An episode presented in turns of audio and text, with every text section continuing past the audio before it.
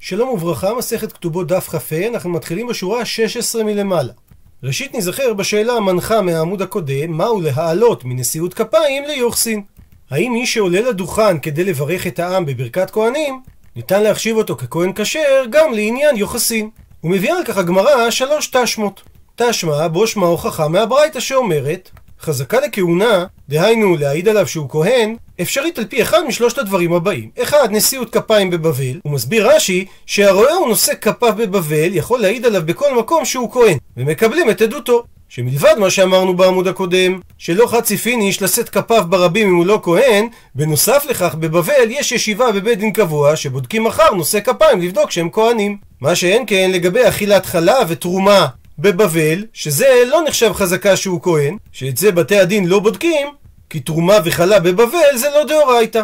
הדבר השני זה אכילת חלה בסוריה. הוא מסביר רש"י שסוריה זה ארם צובה שכיבשה דוד כיבוש יחיד וחיברה לארץ ישראל. והתנא של הברייתא סובר שכיבוש יחיד נחשב כיבוש, כך שסוריה הפכה להיות חלק מארץ ישראל וחייבים בה מצוות מדאורייתא. אז חלתה ותרומתה הם דאורייתא, ואומר רש"י שבשלב הזה אנחנו מבינים שחזקה לכהונה זה אכילת חלה והוא הדין לאכילת תרומה. הדבר השלישי, וחילוק מתנות בכרכים. אדם ששוחט בהמת חולין, נותן לכהן את הזרוע, הלחיים והקיבה. ואף על גב שהחלקים הללו הם לא קדושים, שאין איסורם לזרים, הכהן יכול לתת את זה למי שהוא רוצה, אפילו לכלב שלו. בכל זאת, זה נחשב חזקה לכהונה, שהואיל והכרכים מקום שווקים הם, יש שם הרבה אנשים, ומצויים בה עוברים ושבים, שוודאי מכירים את אותו אדם, אז אם הוא לא היה כהן, הוא לא היה מעיז פניו לקחת מתנות כהונה. עד לכאן לשון הברייתא מדייק את הגמרא, קטני מיית, הרי כתוב בברייתא נשיאות כפיים, שהיא אחד הדברים שהם חזקה לכהונה. מה אליו? האם אין הכוונה שסומכים עליו שהוא כהן ליוחסין? דוחה הגמרא שנשיאות כפיים היא לא חזקה ליוחסין אלא לתרומה. הוא מסביר רש"י שהרועה הוא נושא כפיו בבבל או אוכל חלה דווקא בסוריה והעיד עליו בארץ ישראל, אז מקבלים עדותו כדי להאכילו תרומה אבל לא לעניין יוחסין. מקשה על כך הגמרא, והדומיה דאכילת חלה קטני. הרי הברייתא השוותה בין נשיאות כפיים לבין אכילת חלה. וכך היא ההשוואה. מה אכילת חלה זה מועיל ליוחסין, אף נשיאות כפיים מועיל ליוחסין. הוא מסביר רש"י שחייבים לומר שאכילת חלה מועילה ליוחסין ולא לתרומה, שהרי אכילת חלה היא עצמה נחשבת כתרומה, וממילא כבר הוחזק בה. דוחה הגמרא שגם אכילת חלה לא מועילה ליוחסין, אלא אכילת חלה גופה היא עצמה לתרומה היא מועילה. ועל אותו משקל גם נשיאות כפיים מועילה רק לעניין תרומה. וצריך לומר שכסבר התנא שחלה בזמן הזה היא דרבנן ותרומה היא דאורייתא. מחדש את הברייתא ומסקינן מעלים את האדם לחזקת כהן מחלה דרבנן לאכילת תרומה שהיא דאורייתא. כאשר ההיגיון הוא שאם הוא לא היה כהן לא היו נותנים לו לאכול אפילו חלה דרבנן גזירה משום אכילת תרומה שהיא דאורייתא. הוא מסיים את הגמרא, וכדאפיך להו רב הונא ברדר רב יהושע לרבנן. וזה תואם למה שתביא הגמרא בהמשך בשם רב הונא ברדר רב יהושע, שהוא אמר סברה הפוכה מהרבנן שהיו בבית המדרש של רב. ומביאה הגמרא תשמע נוספת, בו שמע הוכחה שאומרת הברייתא, חזקה לכהונה, נשיאות כפיים וחילוק גרנות בארץ ישראל. הוא מסביר רש"י שנשיאות כפיים בארץ ישראל נחשבת חזקה לכהונה, כי כמו בבבל יש שם בית דין קבועים שבודקים את העניין. וחילוק תרומה בגרנות בארץ ישראל מהווה חזקה לכהונה, כי בשלב הזה אנחנו מבינים שתרומה בזמן הזה היא דאורייתא, וכיוון שזר שאוכל תרומה יש עליו עוון מיתה, אז ברור שהאדם הזה הוא כהן, וממילא אנחנו מעלים אותו ליוחסין. וממשיכה הברייתא, ובסוריה ובכל מקום ששלוחי ראש חודש מגיעים כדי להודיע לגולה את היום שקידשו בית דין את החודש כדי שיעשו את הפסח בזמנו, דהיינו רדיוס של מעלה 15 יום ממושב בית הדין שקידשו את החודש, נשיאות כפיים נחשבת כראיה, אבל לא חילוק גרנות. והסיבה, לפי שבית דין קבוע שם הוא מקבל שליחות החודש של בית דין הגדול, אז הוא בודק את נשיאות הכפיים, ולכן הם מהווים ראיה. אבל לא חילוק גרנות, כי תרומה שם היא לאו דאורייתא, ובשונה מהברייתא הקודמת, התנא הזה סובר שכיבוש סוריה על ידי דוד הוא כיבוש יחיד שלא נחשב ככיבוש. ובבל נחשבת כסוריה, שנשיאות כפיים נחשבת ראיה בגלל שיש שם בתי דין קבועים, אבל חילוק גרנות לא נחשב כראיה, כי התרומה שם היא דרבנן. רשב"ג אומר, אף אלכסנדריה של מצרים בראשונה נחשבה כסוריה שנשיאות כפיים הייתה חזקה לכהונה, ובראשונה הכוונה כאשר היה שם יישוב יהודי גדול, שזה אחרי חורבן בית ראשון, עד שנחרב שם היישוב היהודי. ומביא רשב"ג את הדוגמה הזאת כדי לומר, מפני שבית דין קבועים שם. וזה העיקרון לקבל נשיאות כפיים כחזקה לכהונה. עד לכאן לשון הברייתא ומוכיחה הגמרא. קטני מיעט, הרי כתוב פה נשיאות כפיים מהווה חזקה לכהונה. מה אליו, האם אין הכוונה שהיא מהווה חזקה ליוחסין? דוחה הגמרא שזה לא מהווה חזקה ליוחסין, אלא חזקה לחלה. מקשה על כך הגמרא, הדומיה דחילוק גרנות קטני. הרי הברייתא אמרה שנשיאות כפיים וחילוק גרנות בארץ ישראל מהווים שניהם חזקה לכהונה, ואם כך נשווה ביניהם באופן הבא. מה חילוק גרנות זה חזקה ליוחסין, אף נשיאות כפיים זה חזקה ליוחסין. דוחה הגמרא שזה לא חזקה ליוחסין, אלא חילוק גרנות גופה היא עצמה מהווה חזקה לחלה. ואם נשאל, הרי חילוק גרנות זה תרומה, וגם חלה זה סוג של תרומה, אז למה חילוק גרנות מהווה חזקה לתרומה מסוג אחר? מסבירה הגמרא, כי כסבר התנא, שתרומה בזמן הזה דרבנן, וחלה היא דאורייתא. כך שאם אנחנו רואים חילוק גרנות, דהיינו חלוקת תרומה לכהן, הוא מסקינן מתרומה דרבנן לחלה דאורייתא. על בסיס זה שהוא מקבל תרומה דרבנן, אנחנו מעלים אותו לחזקת כהונה, דהיינו לחלה שהיא מדאורייתא. וסייעת להסבר הזה, וכדאשכחינו רב הונא ברי דרב יהושע לרבנן, כמו שהוא מצא ואמר להם, דאמר רב הונא ברי דרב יהושע, אשכחיתנו לרבנן בבי רב, מצאתי את תלמידי החכמים בבית המדרש של רב, דיאטווה וכאמרי שישבו ואמרו אפילו למאן דאמר שתרומה בזמן הזה דרבנן גם הוא יסכים שחלה בזמן הזה דאורייתא. והוכחה לדברים שהרי כשכבשו את הארץ בימי יהושע שבע שנים שכיבשו ושבע שנים שחילקו נתחייבו בחלה ולא נתחייבו בתרומה. הוא מסביר רש"י שהמקור שבאותם 14 שנה הם התחייבו בחלה דכתיב בבואכם אל הארץ ותניא בספרי שרבי ישמעאל אומר שינה כתוב ביאה זו מכל ביאות האמורות בתורה שבכולם נאמר כי תבואו כי יביאך וכאן כתוב בבואכם דהיינו לא לשון עתיד אלא לשון הווה. ללמדך שכיוון שנכנסו לארץ נתחייבו בחלה. אבל באותם 14 שנים הם לא התחייבו בתרומות ומעשרות דכתיב דגנך, תבואת זרעך, דהיינו דווקא מיוחדת לך. וזה יכול להיות רק אחרי כיבוש וחלוקה. ועוד שהרי תלה כתוב המעשר במניין שנות השמיטה, כמו שכתוב בשנה השלישית שנת המעשר. והרי את השמיטות לא התחילו לספור אלא מי שכבשו וחילקו, כמו שכתוב בסדר עולם במסכת ארכין. ואומר רב הונא ברד רב יהושע, ואמינא לו אנא, ואמרתי להם אני, אדרבה, בדיוק הפוך. שאפילו למאן דאמר שתרומה בזמן הזה דאורייתא, גם הוא יגיד שחלה בזמן הזה היא דרבנן, דתניא, שכך שנינו בברייתא על הפסוק, דבר על בני ישראל ואמרת עליהם, בבואכם אל הארץ, אשר אני מביא אתכם שמה. ואומר התנא, אי בבואכם, מזה ששינתה התורה את הלשון הרגילה, במקום כי תבואו כי אביאך לשון עתיד, היא אמרה בבואכם לשון הווה, אז יכול מי שנכנסו לה שניים ושלושה מרגלים, כבר יהיו חייבים בהפרשת חלה? תלמוד לומר, בבואכם, דהיינו בביאת כולכם אמרתי, ולא בביאת מקצתכם.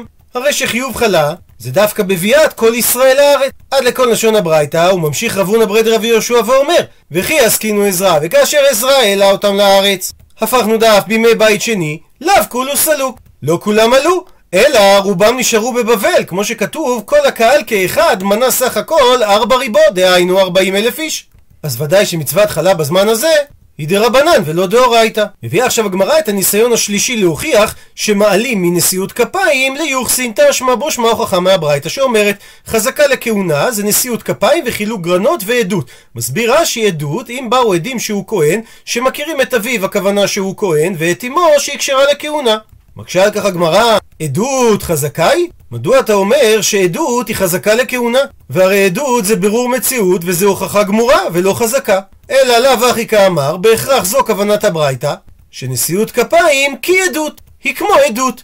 מה עדות על פי המעלים ליוחסין, אף נשיאות כפיים על פי המעלים ליוחסין. דוחה הגמרא שלא זו הכוונה בעדות, אלא הכוונה היא עדות הבאה מכוח חזקה, שהיא נחשבת כחזקה. שאם העדים מעידים שהאיש הזה מוחזק להם ככהן, אז נקבל את העדות ונאכילו בתרומה, כאילו אנחנו ראינו את אותה חזקה שהעד העיד. מביאה הגמרא דוגמה לעדות כזאת.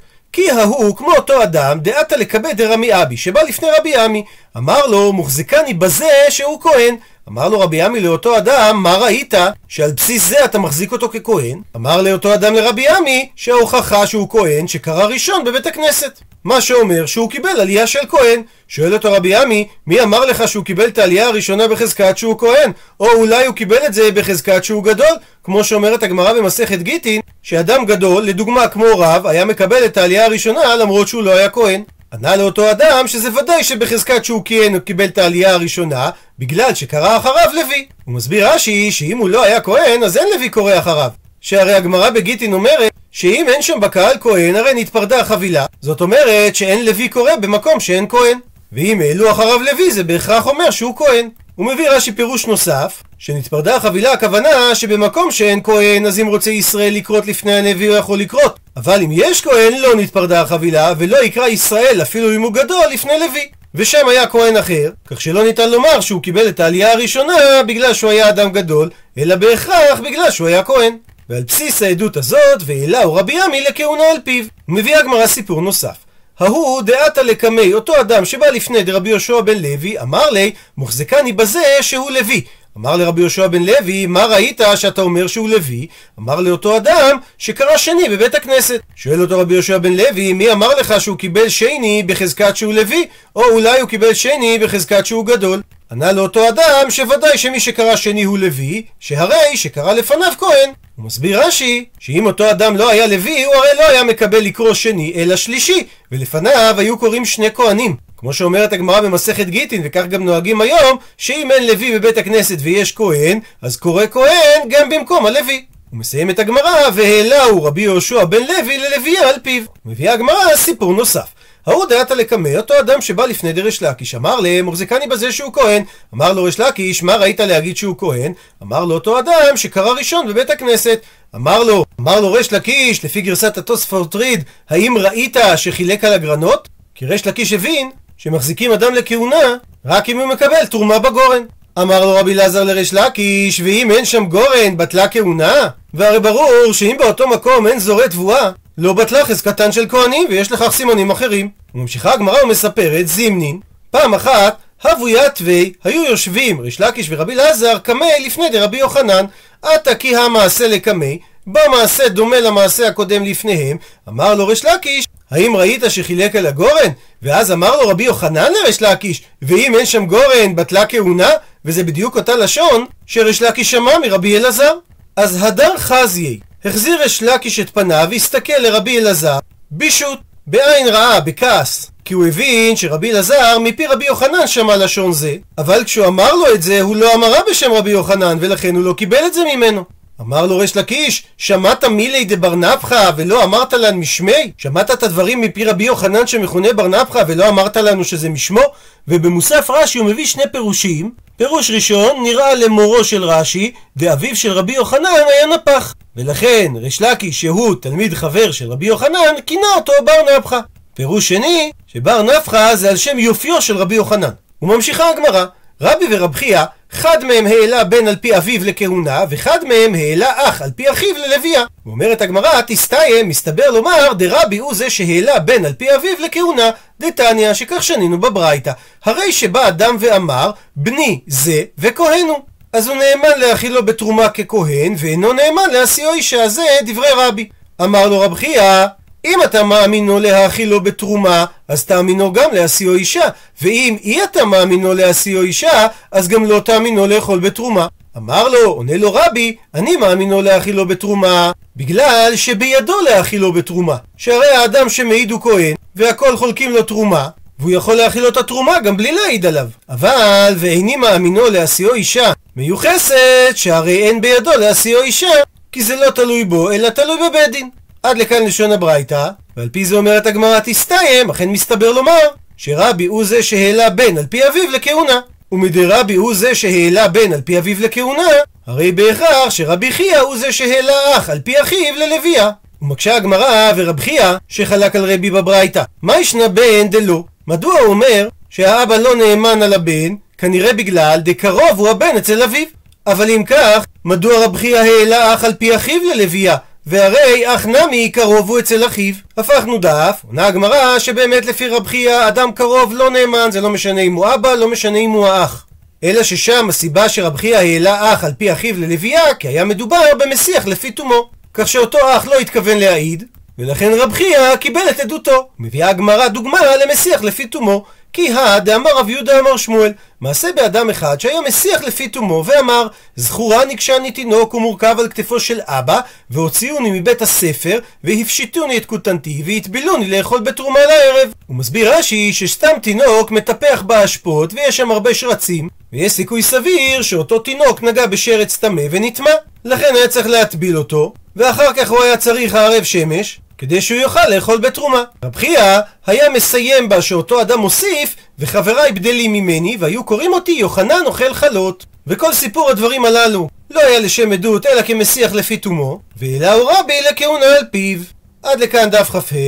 למעוניינים בהרחבה הזכרנו את סוריה, ואמר רש"י היא ארם צובה שכיבשה דוד וחיברה לארץ ישראל. סוריה נחשבה כיחידה עצמאית בימי הבית השני וגם בתקופת המשנה והתלמוד, בין כשהייתה מדינה בפני עצמה בשלטון בסיליקוס, ובין כשהייתה פרובינציה רומית. לעניין המצוות התלויות בארץ נחשבה סוריה לשתי יחידות שונות. חז"ל ראו את חלקה המערבי של סוריה, היא מדינת לבנון של ימינו, כארץ בפני עצמה. מן הים במערב ועד בקעת הלבנון במזרח, ועד לנהר ועד לאמנה בצפון, הוא תחום הארץ שהחזיקו בה עולי מצרים. לעומת זאת, השטח שהשתרע מבקעת הלבנון למזרח ולצפון הוגדר כארץ סוריה. אין סוריה נחשבת כארץ ישראל, אף על פי שדוד המלך כבש אותה. מפני שכיבושי דוד נחשבים לכיבוש יחיד, זאת אומרת, כיבוש שאין לו גיבוי של העם כולו. חיסרון נוסף לכיבוש סוריה בידי דוד, שהוא כבש את סוריה לפני שהשלים כיבוש ארץ ישראל וירושלים. תוספות ובבא בתרא אומר שהשם סוריה בא מהשם אשור, כיוון שכל הארצות הארמיות האלה היו זמן ממושך בשלטון מלכות אשור. יישובים יהודים רבים התקיימו בסוריה בתקופת המשנה והתלמוד, ובכללם מרכזים שזכו לפרסום במשך דורות, הן בזכות החכמים שישבו שם והן בזכות הצלחתם בתחום חיי הכלכלה והמדינה. הם הצטיינו גם בזיקה לארץ ישראל. הם היו באים לבקרה לעיתים קרובות ברגלים ולביקורים במקומות הקדושים.